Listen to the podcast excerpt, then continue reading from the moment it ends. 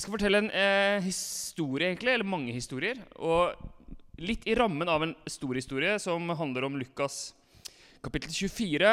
Og det er en historie om noen disipler på en vei som eh, går fra Jerusalem og til det som heter Emmaus. Og teksten starter sånn her i vers 13. Samme dag. Og samme dag, der er samme dag som disiplene har kommet til graven og finner ut at den er tom. Så det er samme dag som denne oppstandelseshistorien skjer, så går disse på veien. Og det står samme dag var to disipler på vei til en landsby som het Emmaus. 60 stadier, som er x antall kilometer, jeg husker ikke helt nøyaktig, men uh, noen kilometer fra Jerusalem. Og de snakket om alt det som hadde skjedd. Så disse to har ikke fått med seg det som har skjedd denne samme dagen. De har ikke fått høre nyheten om at Jesus, eller at graven er tom. Eh, de to er ikke blant de tolv disiplene, men det står at de er disipler. Så på et eller annet tidspunkt har noe skjedd som gjorde at de definerte seg som disipler av Jesus Kristus. Vi er disipler av Jesus, men de var ikke blant de tolv. som sagt. Jesus, som de hadde hatt så store forventninger til, han som skulle befri dem fra Cæsar Kanskje var han Messias, men så ble han drept. Så ynkelig korsfesta uten å protestere, og så går de hjem. Det er over. Og det står at de er bedrøvet. Apropos følelser. det står at de er bedrøvet. Og Hvis en sportsreporter hadde møtt dem på denne veien og spurt hva føler dere nå, hva føler du nå, så ville de kanskje sagt noe sånt som jeg er skuffa, eller jeg er forvirra, eller jeg er sint, jeg kjenner på håpløshet, jeg føler meg svikta, eller noen sånne ting. Eller hvis du hadde spurt liksom ja, Hvordan vil du beskrive relasjonen din til Jesus nå? Jesus, han er jo død. Altså, De har gått sammen med Jesus, fulgt etter Jesus, og nå går de fortsatt, men alt har blitt endra. Jeg vet ikke om du har hatt en sånn opplevelse at ting ble endra. Ting var sånn her, så skjedde dette, og så ble ting endra. Og jeg er sikker på at disse to lengtet tilbake til det de hadde, hadde, det de hadde hatt før. Bare før helga, liksom. Eller forrige uke. For de hadde jo sett Jesus. De hadde sett hva Jesus gjorde. De hadde deltatt i lovsangen. Kanskje de hadde de gått sammen med Jesus inn i Jerusalem på palmesøndag, og folk hadde vifta greiner, og de hadde følt seg helt som liksom Vi er i sentrum. Det er rundt oss det koker nå. Vi er med. Vi er på seierslaget. Vi går sammen med han som kanskje er Messias. Folk snakker om at det kanskje er Messias. Og så skjer det som skjer, eh, og så rakner alt. Så jeg er sikker på at de lengtet tilbake til sånn det en gang var. Og På samme måte som disse to disiplene har en historie sammen med Jesus, så har vi det også. Enten om vi er troende, opplever, kaller oss disipler, eller uansett så har vi et eller annet forhold til Jesus. Vi har hørt om Jesus. Vi har en eller annen slags eh, historie med Jesus. Eh, det fins mange måter å fortelle om sitt liv på. En av de måtene man kan fortelle sitt liv på, er gjennom det som kalles troshistorie. Og Noen av dere har vært borti det, for andre er det et nytt ord. Men det er på en måte man lager en tidslinje over livet sitt, og så eh, snakker man om, om, om, troa si og om hendelser og personer som har vært viktig i ens tro. Eh, for å se Hvor mange er det som har hørt om ordet troshistorie? Eller som har vært borte i det konseptet? Det er ganske mange. Da trenger jeg ikke å forklare det noe særlig mer. Sånn en viktig greie og en bra ting å gjøre i en smågruppe. Kanskje har dere gjort det her også. For min del starta troshistorien i 1980. Da ble jeg født. Eh, og eh, det er snart 40 år siden. I mars. Jeg vet ikke hvordan jeg skal feire det ennå. Hvis noen har forslag, så kom det. Eh, blir født i en kristen familie. Mor er aktiv i kirka. Faren, far var det litt. Etter hvert ikke så veldig mye. Og så begynner jeg på Speideren. Betty og Sverre, speiderledere, viktig for meg. begynner på første klasse på videregående. skal Jeg si. Jeg begynte rett der. Nei, første klasse på barneskolen. Eh, og fikk Marit Monsen som lærer, som var en kristen lærer den gangen. Så, da var det jo på en måte kristne lærere. da. Hun lærte oss å synge, og vi hadde liksom, hun hadde kristendomstimer. Og, og jeg liksom tenker, hun, hun var viktig for meg.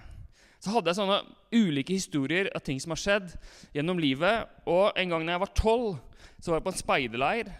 Og så var det en, en type evangelist der, en veldig ivrig taler, som eh, sa at eh, de som ønsker å bli kristne nå, og han sa det med litt sånn ettertrykk, og så videre, de måtte møte i et rom, og så skulle vi be frelsesbønn osv. Nei, jeg husker ikke hvordan det var. Vi kom fram jeg, på, i det møteteltet der, og så skulle vi gå til et rom etterpå. Så fikk vi et sånn Nytestamentet som jeg glemte dessverre, for jeg tenkte jeg skulle ta det med. Eh, som vi fikk der, men jeg husker jeg lå i teltet sammen med min bestevenn Jon. Så noterte jeg inni dette Nytestamentet, jeg tok et bilde av akkurat det. da. Hvis vi trykker på neste, så skriver jeg her Vegårshei 25.6.1992 ble jeg en ordentlig kristen. Og Det er ikke så lett å skrive ordentlig når man er tolv, men det, eh, det tilhører Erik, Erik Andreassen, og der har du adressa mi eh, til mine foreldre. Så, så der liksom tenker jeg yes, det var et kjempeviktig punkt i mitt liv. Nå blir jeg en ordentlig kristen. Men så er jeg på, tilbake på samme sted egentlig i Vegårshei. Og så er det på en sånn tenåringsviken da jeg er 15. Og så er det en eller annen predikant som sier liksom det og det. og nå, sant, Du må gi, gi, livet ditt til Jesus. Og så tenkte jeg nå gir jeg livet mitt til Jesus. Så da noterte jeg da oppi denne, gikk jeg tilbake og noterte 14.7.95. Nei, det var sommeren, det òg. Trodde jeg da med pil. Altså, det var jo 95 jeg ble ordentlig kristen. Så altså, jeg har gitt livet mitt til Jesus mange ganger øh, og prøver å fortsette med det. Og så var det 98 hvor liksom nok en sånn sommerfestival hvor predikanten kommer en, fyr fra Colombia, eller en norsk misjonær smart i Colombia, som liksom sier I, Spa, i Colombia så sier vi 'Soldados til Cristo', og så reiser hele menigheten seg, så sier de 'presente', altså soldater til Kristus. Reis dere, og så reiser alle seg opp. Vi er her, liksom. Og jeg husker jeg reiste meg opp og sa 'Soldados til Cristo'. Yes! liksom.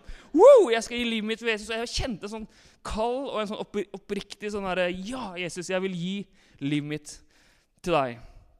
Så har jeg fortsatt å gjøre det. Så har jeg ulike sånne hendelser. Jeg vet ikke hvordan ditt liv ser ut. Kanskje du ikke har et sånn tydelig punkt på den troshistoriereisen din hvor du sier at 'da ga jeg livet mitt til Jesus', eller 'da ble jeg en kristen'. Mange har ikke det nødvendigvis.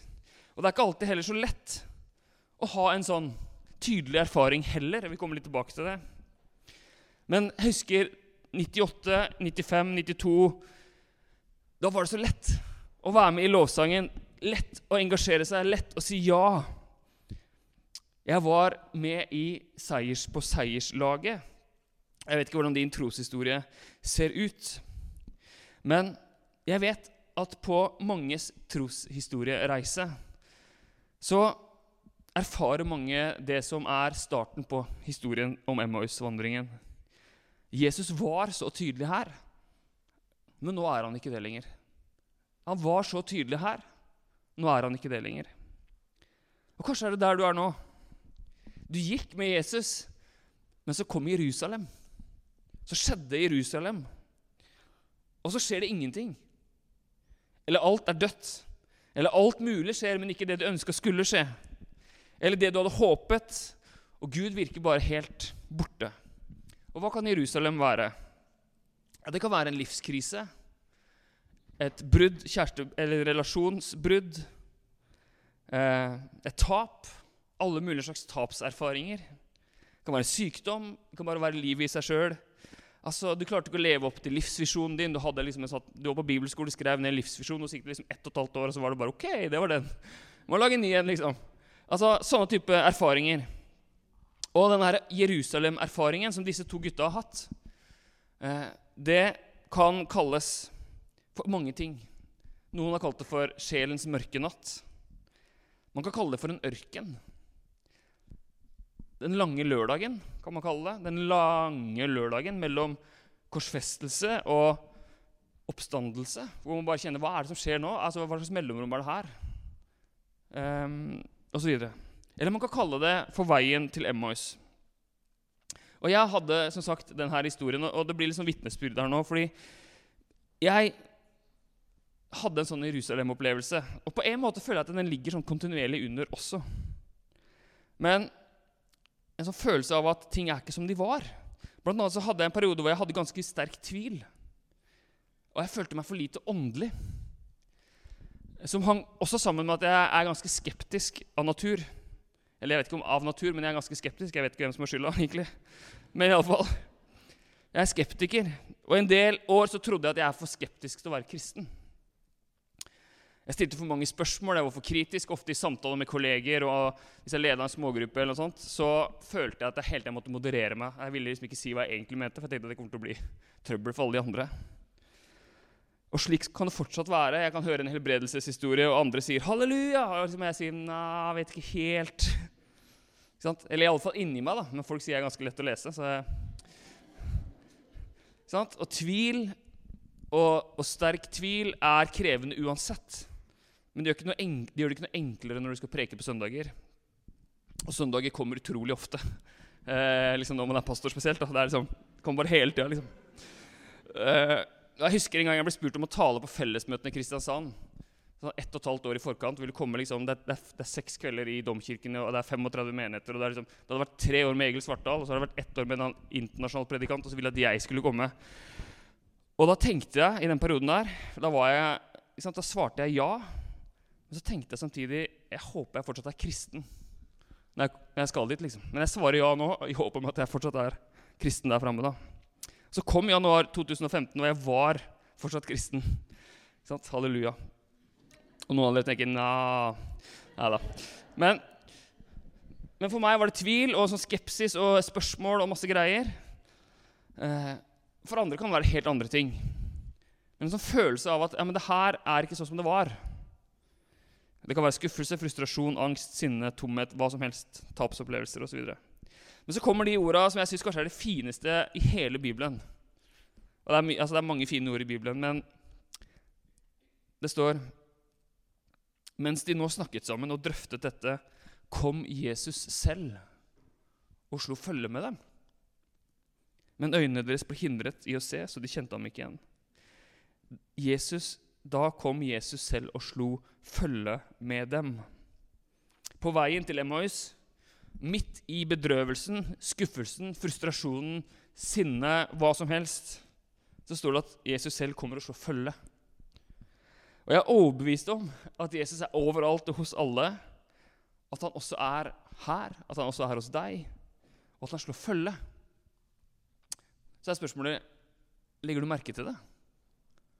Er du klar over det? Legger du merke til han? Det står at Øynene deres ble hindret i å se, så de kjente han ikke igjen. Jeg tror det går an å gå glipp av erfaringen av at Jesus slår følge. Fordi han kommer ikke sånn som du forventer. Eller det ser ikke ut sånn som det gjorde før. Men hvordan kan man få en sånn erfaring av at Jesus slår følge? Og Vi kommer til følelser etter hvert der, hvis dere lurer. Men langs hvilken vei er det man erfarer at Jesus slår følge. Og jeg tenker, Våre liv ser veldig forskjellige ut. Vi har forskjellig livserfaring, forskjellige livsreiser, forskjellige troshistorier. Og det kan se veldig forskjellig ut. Jeg tenker Jesus møter oss på ulike måter. Men likevel så tror jeg det er noen sånn fellestrekk som går igjen når mennesker forteller om som, hvordan de erfarte at Jesus kom og slo følge. Eller hvordan de oppdaga det, som erfarne kristne har pekt på. Eh, og jeg hadde også liksom, jeg, hadde jo, jeg, jeg også hadde jo lest om det før, jeg hadde prekt om det sikkert mange ganger, men akkurat nå liksom, når jeg var rundt 35, altså fem år siden, så hadde jeg en sånn der erfaring at okay, nå, nå, skjønner jeg mer av hva det er snakk om. Eh, det var fellesmøtene i Kristiansand. Eh, det, gikk, det, gikk, bra på et eller annet vis. Og så tenkte jeg samtidig mot den sommeren her at nå må det skje et eller annet den høsten her hvis jeg skal fortsette å være pastor. Og Eh, jeg husker jeg sto på bønn for Oslo for øvrig. Det var ikke det året, for det var, da var jeg i Kristiansand. Men jeg husker liksom jeg sto der en gang og tenkte liksom bare okay, Hva er det vi holder på med her? Altså, hva, hva er dette her? Og, og um, jeg var, jeg var, eh, programleder på en sånn web-TV-serie fra Vårt Land som het Omvend meg. hvor en eller annen sånn kristen, eller en som hadde vært kristen før, skulle bli omvendt, en ateist. Så var jeg som prøveprogramleder på sånn prøve-web-TV-greie. Det ligger der fortsatt, ikke se på den. Eh, da og Da liksom skulle jeg være med ateisten rundt og snakke med kloke kristne. Da tenkte jeg mange ganger at det er jeg som burde vært med rundt. Altså Det er noen som burde tatt med meg på disse, disse reisene. Jeg synes han ateisten stilte altfor enkle spørsmål. Men i alle fall, så var det domkirken, og så var det ja, Lang historie kort. Jeg skulle til New York, eller jeg spurte en, en, en, fyr som skulle til New York Kan jeg bare få være med på en tur om menighetsplanting. Jeg skulle ikke plante menighet, men jeg trengte bare komme, eller finne på et eller annet. Så jeg, så jeg ble med. Og så, på veien over, så så jeg filmen uh, eller var det på veien hjem? Altså innsiden ut, en tegnefilm. Jeg satt ved siden av en, uh, en kamerat som sa det her burde du se, den handler om følelser. er liksom, De har laga den i tegneseriemodus. Eller sånn, uh, masse sånn smart greier om, om, følelser. Så det var et slags lite tegn. Frampek. Men så kom jeg til, eh, inn, til New Jersey på et sånn lite kontor til en pastor som fortalte om disippelskap. Og, men jeg hørte egentlig noe annet, for han fortalte sin egen historie, litt sånn som jeg gjør nå. Om hans vei og en vegg han hadde møtt, og liksom et vendepunkt. Så tenkte jeg at det der ligner på noe av det jeg har opplevd. Så anbefalte han en bok som hadde vært viktig for han. Var En annen kollega hadde fortalt sin historie. Og så kjøpte jeg den boka som lydbok når jeg kom hjem. Så begynte jeg å høre på den etter hvert. I romjula, husker jeg. Satt jeg på en sånn liten stol eh, i gangen hjemme og bretta klær til barna. Og, eller mest til barna og mest til kona mi. Altså, Haugene våre er veldig forskjellig størrelse. Ja, Samme det. Satt der og bretta, liksom. Og det var en bok som heter, på norsk som heter 'Under overflaten', som Kristoffer nevnte her i stad. Og så handler det om, om sakte åndelighet. Og så tenkte jeg liksom, jeg satt og hørte på her, den boka, jeg tenkte, her er jo kjempebra. Eh, og det her kan jeg preke i januar, for jeg vet ikke helt hva jeg skal preke om i januar. Så det her kan jeg lage en taleserie av. liksom. Og så, og så satte jeg på denne lydboka, som da handla om sakte åndelighet, på 1,25 hastighet for å komme litt raskere igjennom boka. Og så var det da jeg satt der og bretta klær og satte opp hastigheten på denne boka som handla om sakte åndelighet, så var det som Gud liksom sa til meg Erik, altså nå, nå må du stoppe. Altså, det her er til deg. Altså, Det er ikke til menigheten din. Sånn vi pastorer er litt fraske noen ganger. ikke sant? Det er ikke til menigheten din, det er til deg. Så gikk jeg tilbake til lederskapet og sa vet du hva, jeg trenger pause fra å preke. for jeg, jeg, jeg, trenger pause. Så hadde jeg et halvt år hvor jeg ikke prekte. Og Da begynte jeg å lese, jeg lese den boka, og så slo det meg liksom at det her har jeg jo hørt om før. Mye av det her. Og så tenkte jeg, Hvor har jeg hørt om det her før? Jo, så kom jeg på at Det minte meg veldig mye om det Edin Løvaas hadde snakka om lenge. Jeg kunne få et bilde av Edin her. Edin er en starta retreatbevegelsen i Norge, og han, kirka, han var medlem i kirka vår. Og jeg var så heldig å bli kjent med han i de siste åra av livet hans. sånn 10-15 åra kanskje. Og så hadde Jeg liksom, jeg var så glad i Edin, men så hadde jeg glemt han litt. Eh, han snakka så mye om disse tingene. Og så leste jeg alle bøkene Edin hadde skrevet nesten den våren her. 40, nærmere 40 bøker. De, en del av de handler om det samme. Um, han har for øvrig blitt 100 år i år. Altså vi har, jeg har tatt initiativ til en bok som kommer på Verbum forlag senere i år. Eh, om Edien, eller ikke om Edien, men fra Edien, egentlig. Altså Fra Ediens kilder og via Edien og framover.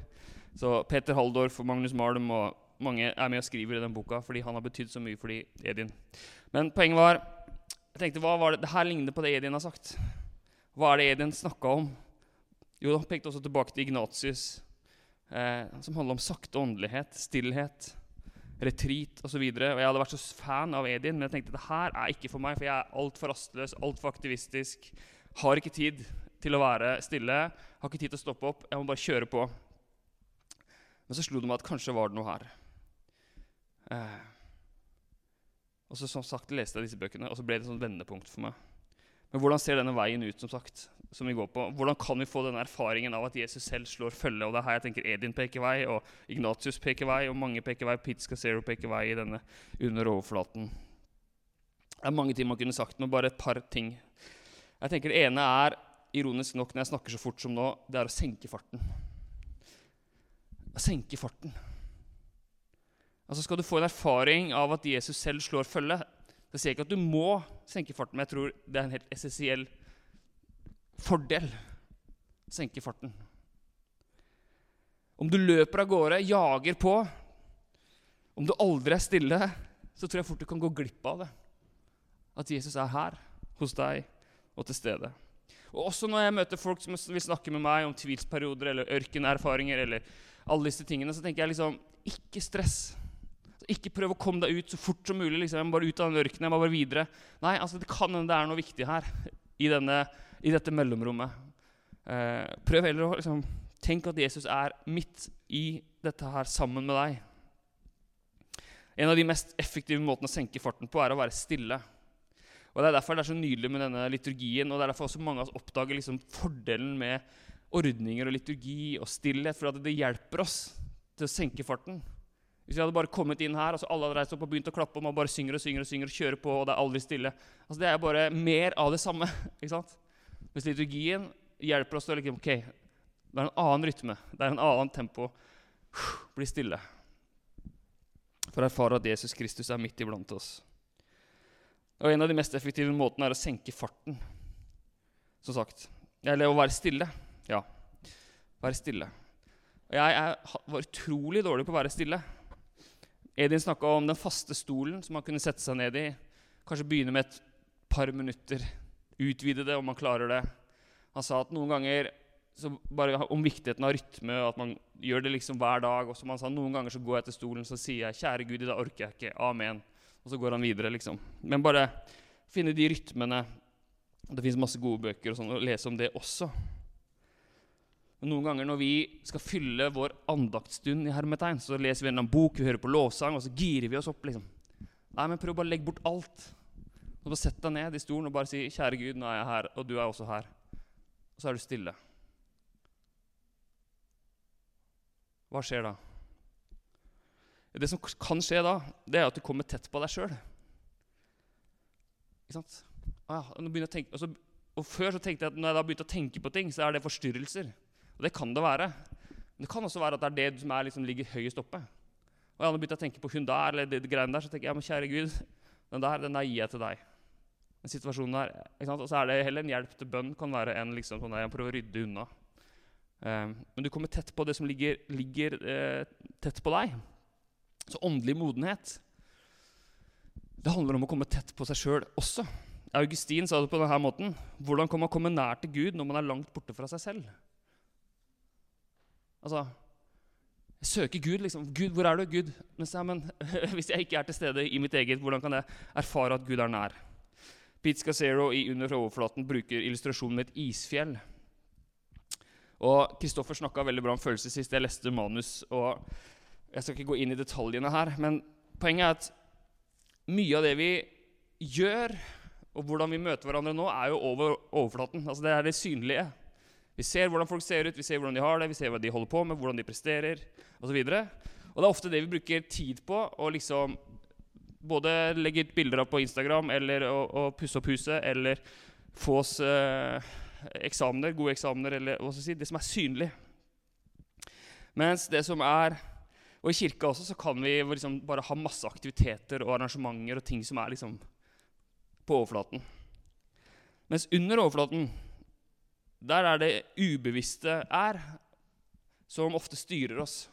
Det kan være skammen, sorgen, tvilen, tilbøyelighetene, synden du aldri har bekjent, avvisningen, trøblete relasjoner, erfaringer du aldri har delt.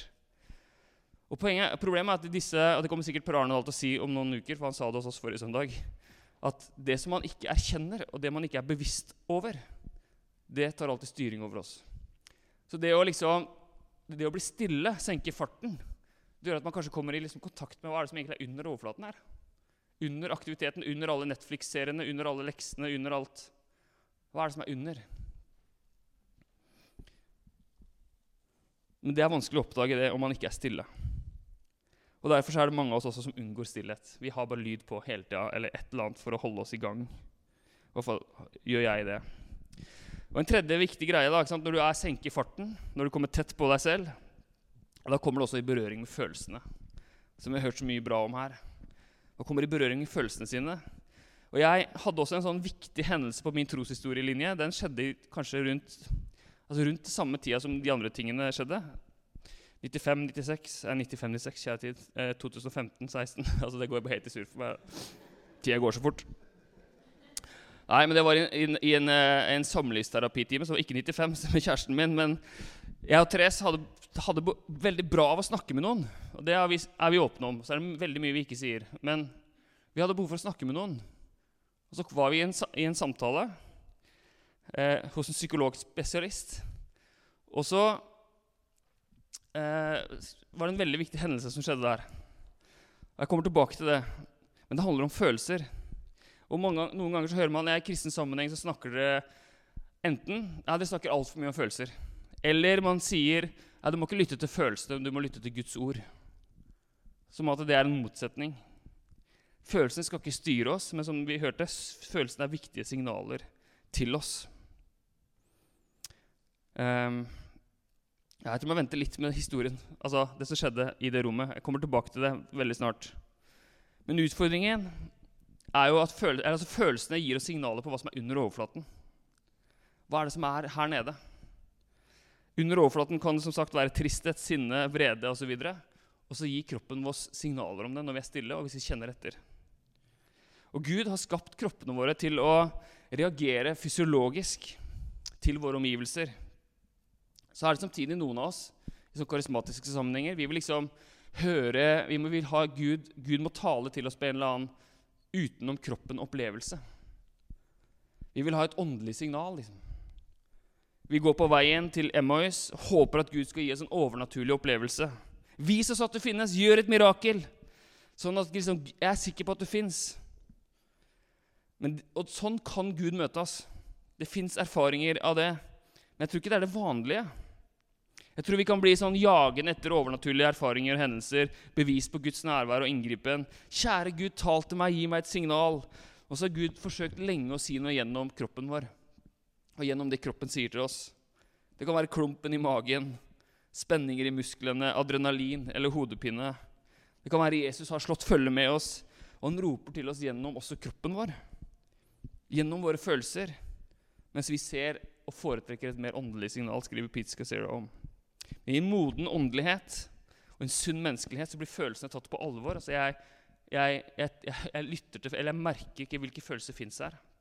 Hvilke, hvilke, følelser, og hva er det de forteller meg?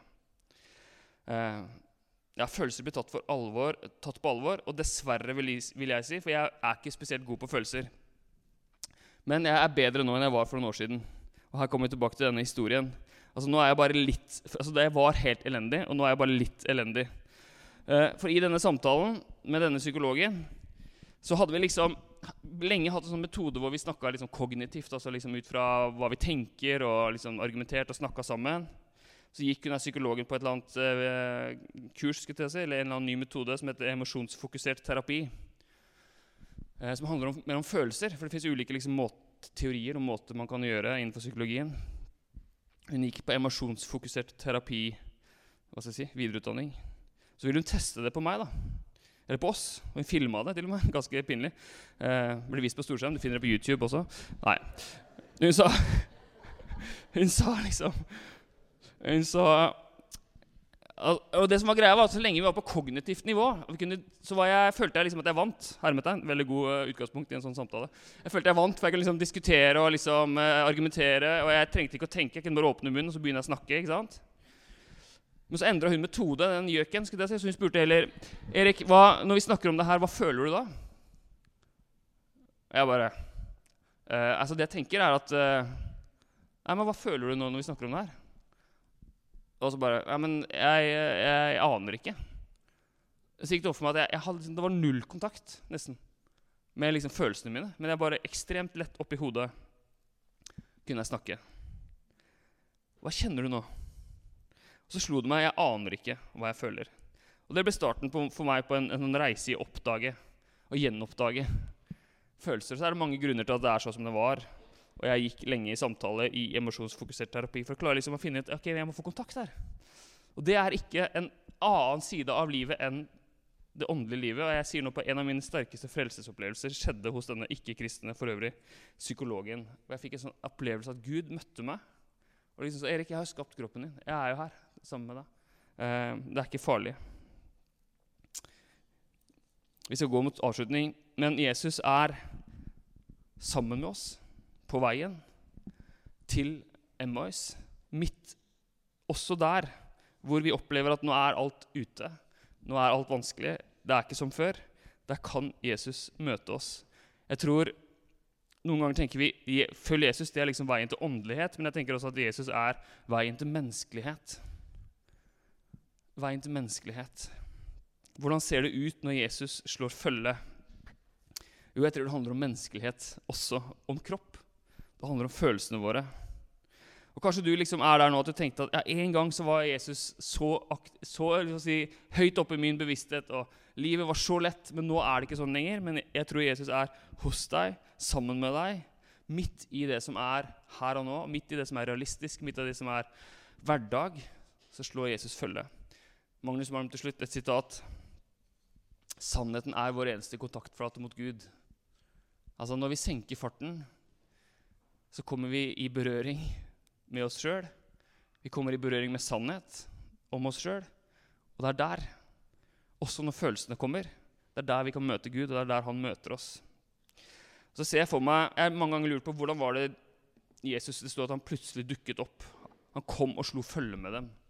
Kom han liksom inn fra Kom han løpende etter liksom, Jesus? Altså kom liksom Jesus løpende 'Hallo, hallo, hei, gutta!' Eller, eller bare dukka han opp sånn der Plutselig så var han der. Eh, jeg vet ikke.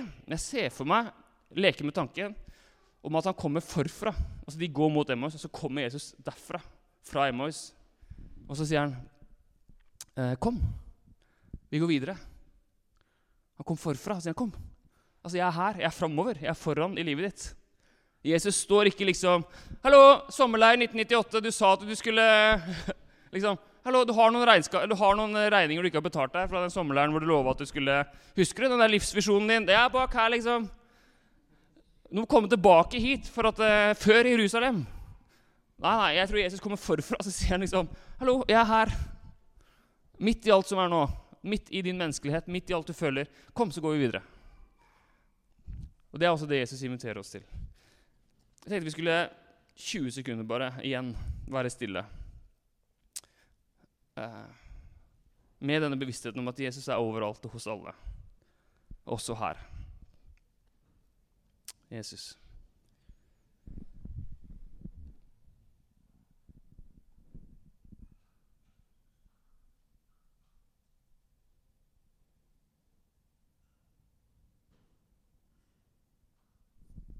Herre Jesus, takk for at du kommer og slår følge med oss. Midt i alt som er, på den veien vi går på nå. Du kjenner vår vei, hver enkelt en av oss. Du vet hvordan det ser ut akkurat nå. Om det er oppdrift og glede, og det føles som en uh, flat, rett vei, og vi vet hvor vi skal, eller om, føler, eller om vi føler oss midt i et eller annet virvar av kryss eller motbakke så kommer du og slår følge. Hjelp oss, Herre, til å åpne oss opp, til å ta imot det du har for oss. Hjelp oss til å lytte, sånn at vi kan erfare deg. At du kom, kommer og slår følge med oss. Så takker jeg for at vi kan komme til deg med alt. Og med tomme hender kan vi få lov til å komme til deg med livene våre. Og møte oss, Jesus. Det ber vi. Amen.